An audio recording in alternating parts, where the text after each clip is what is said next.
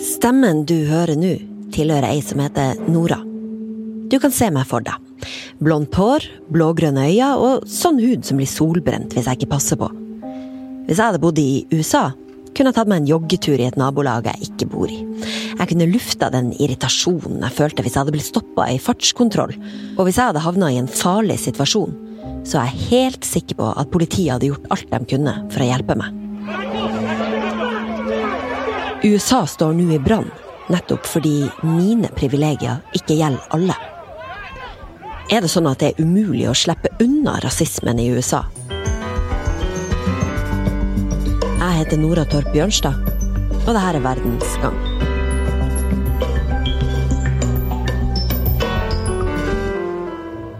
Det er ikke første gang vi ser svarte i USA bli urettferdig behandla.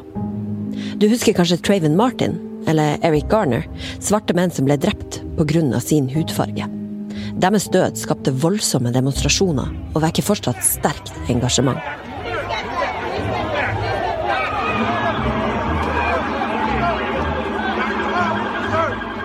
Likevel hevder mange at det vi ser i dag, er annerledes og at USA nå står i en situasjon man ikke har opplevd siden borgerrettighetsbevegelsen på 60-tallet, med Martin Luther King jr. i spissen.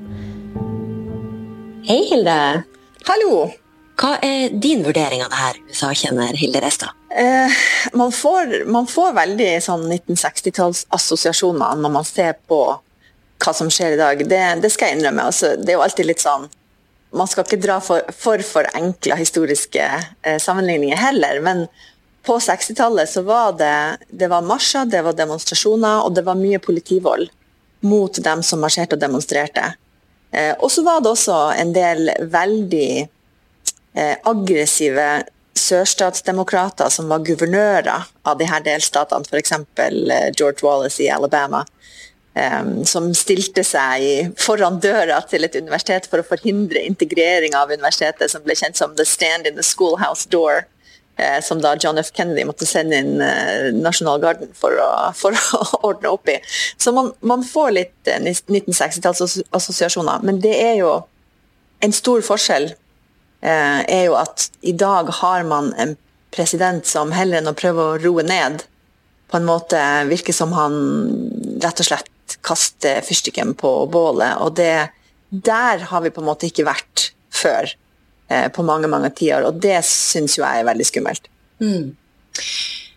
Så eh, Hilde kommer et eh, stort spørsmål, men du har jo doktorgrad i amerikansk utenrikspolitikk og er vel av de beste til å svare på det her. Hvordan har USA kommet dit det er i dag, med den rasismen vi ser strukturelt i samfunnet? Det, jeg syns det er så utrolig vanskelig å svare på det spørsmålet. Og det er jo litt ironisk, for nå er jeg akkurat akkurat levert manus til en bok som handler om akkurat det, som handler om det, det amerikanske politiske systemet og hvordan det har blitt påvirka bl.a. Av, av rase. Og det tenker jeg det er så viktig for å forstå USA i dag, men samtidig er det så vanskelig å svare på det med ett kort svar, så jeg skal prøve. Ok. Eh, det første som er viktig å ta med, og det høres kanskje litt sånn banalt ut, og alle, alle vet det, men vi må ha det med likevel, det er jo at USA, selv om det hadde veldig mange vidløftige ideer og idealer i uavhengighetserklæringa og Grunnloven når det blir grunnlagt, er jo et land basert på en måte på hvit makt. Det er jo et land grunnlagt av hvite protestantiske menn, og poenget var at de skulle styre over alle andre. Um, og da grunnlagt på slaveri og på andre typer rasehierarki. Uh, og fotnote, rase er jo et veldig problematisk begrep, men det brukes veldig mye i USA og i amerikansk historie, så derfor bruker jeg det. Men ja, så uh, Hvit makt, hvite protestantiske menn, rasehierarki, slaveri. Ikke bra. Derfor måtte USA på en måte grunnlegges på nytt. Eh, I det som kalles den andre grunnleggelsen, som da er de tre grunnlovstilleggene som kom etter borgerkrigen. Da fikk man en ny sjanse til å si ok, alle de fine ideene og idealene vi hadde da vi grunnla dette landet på 1700-tallet, nå mener vi det på ordentlig, og nå skal det gjelde for alle menn, eh, ikke kvinner. Um, så da, og det, konsekvensen av det var jo at heller enn å da på en måte akseptere en ny grunnleggelse, eh, og det å leve opp til de idealene man hadde eh, forsøkt å grunnlegge seg sjøl på på 1700-tallet, så fikk man jo Jim Crow og segregering og et sånn voldelig eh, apartheid, egentlig, i sørstatene i 100 år etterpå. Eh, hvor svarte og hvite ble holdt atskilt, og svarte ble holdt nede. Eh, gjennom en rekke forferdelige taktikker, f.eks. For eh, rett og slett terror gjennom Ku Klux Klan, gjennom lynsjinger. Eh, og det var jo ikke før Du starta med å spørre meg om borgerrettighetsbevegelsen, så det var jo ikke før på 1960-tallet med borgerrettighetsbevegelsen og med eh, de lovene og lovendringene man fikk inn, eh, som gjorde at man nå endelig, for tredje gang, virkelig mente at alle skulle være likestilt, og at alle skulle få lov til f.eks. å stemme. Eh, uten å bli, måtte være redd for at man skulle bli lynsja, f.eks. Um, og da er vi på en måte opp, opp i frem, da har vi kommet frem til moderne historie. Så det, vi, eh, det man på en måte tak, prøver å takle i dag, er jo egentlig bare konsekvensene av ekstremt langsiktige og seige strukturelle rasistiske institusjoner. Det er bare ei uke siden Christian Cooper var i Central Park, der han drev med fuglekikking.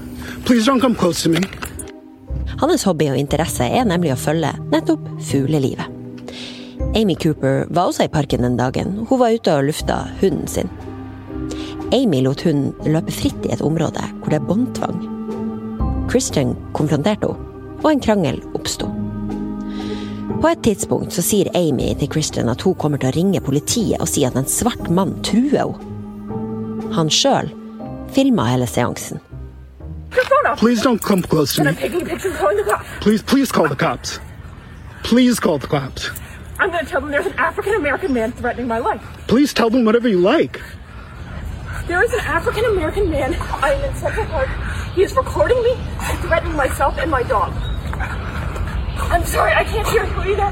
I'm being threatened by a man into the ramble. Please send the cops immediately. Amy Cooper har i kjølvannet av det som skjedde, mista hunden, mista jobben, og sett seg nødt til å publisere en offentlig beklagelse.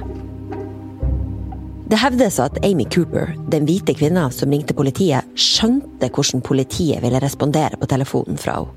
Og det er det her man reagerer på, Hilde. At hun utnytter historien som nesten alltid tar den hvite personens parti mot den svarte. Ja, det kan du si. Det er jo en måte å tolke den, den hendelsen på. Og det er klart at altså, Man vet jo ikke hva som går gjennom en person sin, sitt hode, verken hva hun tenkte eller hva han tenkte, så det på en måte skal ikke jeg kommentere. Men jeg tror en annen grunn til at mange reagerte på at en hvit kvinne ringte politiet og sa 'hjelp, en African American mann eh, truer meg', det tror jeg er for at det, for mange så ga det assosiasjoner til um, eh, lynsjinger i sørstatene i perioden mellom borgerkrigen og, og borgerrettighetsbevegelsen. Eh, fordi at da var det gjerne sånn at hvis du var en svart mann som sa, så på eller snakka til en hvit kvinne på en måte som ble oppfatta som imot eh, normene, Jim Crow-normene, eh, så risikerte du å bli kidnappa, torturert og drept i en lynsjing. Og En av de mest kjente episodene er jo Emmet Till, som var en 14-årig gutt fra Chicago som besøkte slektningene sine i Mississippi i 1955. Og som gikk inn i en butikk eh, eid av Mr. og Mrs. Bryant. Og da skal han ha snakka til. Miss Bryant på en eller annen måte da, som ikke var godtatt.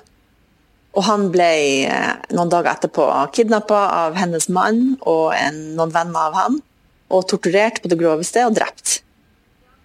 Um, det ble en rettssak etterpå, uvanlig nok, um, hvor Miss Bryant um, vitna at Emmett Till hadde forsøkt å, å, ta tak i henne, at han hadde vært fysisk, at han hadde vært truende, at hun ble veldig redd. Og den hvite juryen frikjente eh, de hvite tiltalte. Men i 2017 så kom det frem at hun hadde ikke snakka sant. At han ikke hadde vært fysisk, at han ikke hadde vært truende, men at han hadde vært inne i butikken.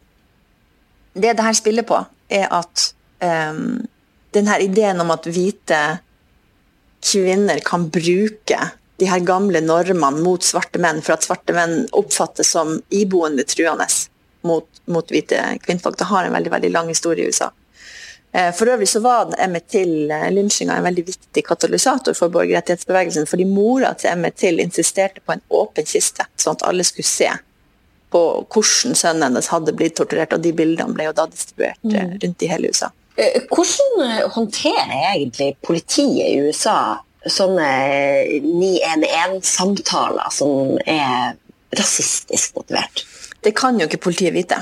Så jeg tenker at det, det, er, ikke, det er, nok sikkert heller ikke lett eh, å være dem som skal opprettholde såkalt lov og orden i et samfunn som har så mange strukturelle problemer som USA.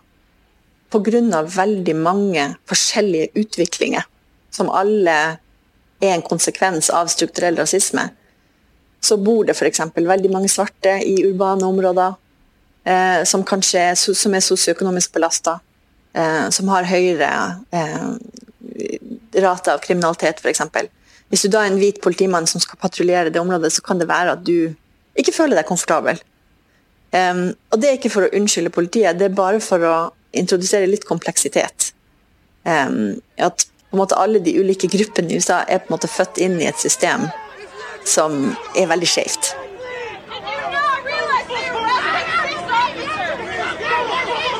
Folk over hele USA tar til gatene. De krever endring.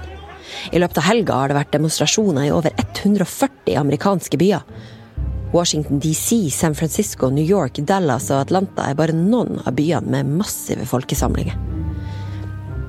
Tradisjonelt er sørstatene det området man i størst grad forbinder med segregering. Altså det at man systematisk og med en slags støtte fra autoriteter skiller enkeltgrupper vekk fra andre i samme samfunn. I USA har man jo en lang historie med at de svarte skilles fra de delene i samfunnet hvor de hvite ferdes. Men også nord i USA, faktisk, i hele landet, ser man resultatet av et rasistisk system. Og det er så gjennomgående. Og grunnen til at man har såkalte hvite og svarte nabolag, er sammensatt. Men du Hilde, du peker på at en av hovedårsakene finner man faktisk i systemet. Ja, så nå snakker jeg jo akkurat om det at man har eh, Gjerne i urbane områder så har man høyere andel minoritetsamerikanere. Eh, og, eh, som er mer sosioøkonomisk belasta. Og det er gode grunner til, til akkurat det.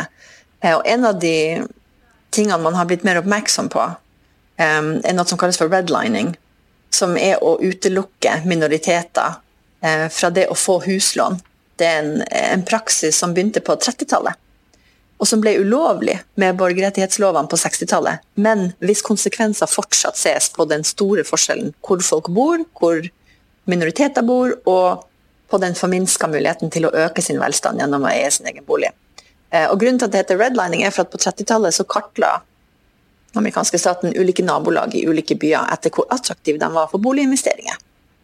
Og da var grønn var, var best, blå, var fortsatt uh, desirable, gult var definitely declining, og rød var da hazardous, altså farlig. Så de her rødlinja områdene var der lokale banker eh, ikke kom til å låne, eh, gi huslån til dem som ønsker å, å, bo der. ikke sant? Og det var da områder der minoritetene bodde. Så det, en del av grunnen til at det var hazardous, var fordi at det bodde minoriteter der. Mm. Så effekten av det er jo at en stor del av minoritetsamerikanere har blitt i tiår etter tiår avskåret fra muligheten til å øke sin egen velstand gjennom å eie bolig. Og også da muligheten til å flytte på seg til bedre områder, for de ikke, sant, får ikke eh, solgt eller får ikke kjøpt der de ønsker. Så det er på en måte en Det blir jo da, 50 år senere, en økonomisk konsekvens av det, nemlig at du har lavere velstandsøkning blant minoritetsamerikanere. fordi det å eie og selge bolig er jo en veldig enkel måte å øke sin velstand på. Det vet jo vi i Norge. Eh, og det blir en kulturell realitet. ikke sant? Du får da det her type de svarte nabolagene, de hvite nabolagene. De svarte nabolagene er fattigere. Eh, det er mer problemer der, ikke sant, etc., etc. Eh, og det her er det, det jo, for oss som er statsvitere så er det jo på en måte utrolig fascinerende å se hvilke konsekvenser noe som skjedde på 30-tallet kan ha i 2020. Men det er altså sånn at for Hvis du ser på en by i Georgia som heter Macon. På 30-tallet så var det en by der man hadde eh, en rekke rødlinjer nabolag. Og i dag så består fortsatt befolkninga i de, det som den gang var rødlinja nabolag, av 91% minoriteter som bor der i dag. Og de er markant fattigere enn de som bor i nabolagene ellers i byen. Så det, sånne ulikheter har langsiktige og seige konsekvenser. På sosiale medier kan vi lese at folk mener at det i dag er to virus som dreper i USA. Rasisme og koronaviruset. For USA står fremdeles midt i pandemien. Og vi ser at svarte, i mye større grad enn hvite, blir ramma hardt av sykdommen. Hva kommer det av, Hilde? Nei, Siden jeg svarer på masse enkle spørsmål, så skal jeg svare på det nå. uh, jo, altså helse uh, Rasemessige ulikheter i helse i USA er en, en, en, gammel sannhet. Og vi ser jo at altså, svarte amerikanere deres andel som dør fra koronaviruset er jo nesten tre ganger så mange som man skulle forvente basert på deres andel i befolkninga. Eh, og det er nasjonale tall, så varierer det veldig fra delstat til delstat. Eh, jeg så f.eks. i Wisconsin så representerer svarte amerikanere 27% av, 27% av dem som døde der, eller dem som har dødd der, men det er kun 6% av befolkninga der som er svart. Så det er jo en enorm uh, ulikhet. Men det her er ikke unikt. Det er ikke unikt for koronavirus. Um, svarte amerikanere generelt har mye dårligere eh, helseresultater enn hvite amerikanere. F.eks. så dør svarte kvinnelige amerikanere tre til fire ganger oftere i forbindelse med fødsel enn det hvite kvinnelige amerikanere gjør, som et helt utrolig tall. Um, over hele fjøla så har svarte amerikanere dårlig helse, de har dårligere helsetilbud og dårligere helseresultater enn hvite amerikanere. Eh, og det, det, masse det, er masse forskjellige grunner til det. En er jo det her vi akkurat snakka om, geografisk segregering og sosioøkonomisk status. Det er vanskelig å gjennomføre koronatesting eh, hvis pasientene skal kjøre til et sykehus og bli testa i en parkeringsplass hvis du ikke eier bil. Eller hvis du bor kjempelangt fra sykehuset fordi sykehuset er et bedre nabolag. Um, så det har med de her strukturene vi har snakka om å gjøre. Og så har det selvfølgelig også med Um, hvordan man blir møtt. Vi, vi snakka litt i sted om hvordan en hvit politiperson møter en svart amerikaner. Så er det også med hvordan møter leger eh, svarte pasienter. ikke sant? Eh, Serena Williams, eh, hun som er kjent for tennis, hun fortalte jo eh, om hvordan hun ikke ble hørt eller trodd når hun var i ferd med å dø av en blodpropp etter å ha født dattera si, som går på det her med at svarte kvinnelige amerikanere har mye større sjanse for å dø etter at de har født, enn hvite kvinnelige amerikanere. Så her snakker vi om enormt store problemer som har en veldig lang historie. Hille Restad, forsker på amerikansk politikk ved Bjørknes høgskole. Tusen takk til deg for at du tok deg tida til å dele litt av kunnskapen din. Bare hyggelig. Du har hørt en episode av Verdens Gang, VGs daglige nyhetspodkast. Vi som lager det, heter Emilie Hall Torp, Kristine Hellesland Tor Erling Tømtrud og meg, Nora Torp Bjørnstad. Teknisk ansvarlig er Magne Antonsen. Takk for at du hørte på, og vi høres igjen i morgen.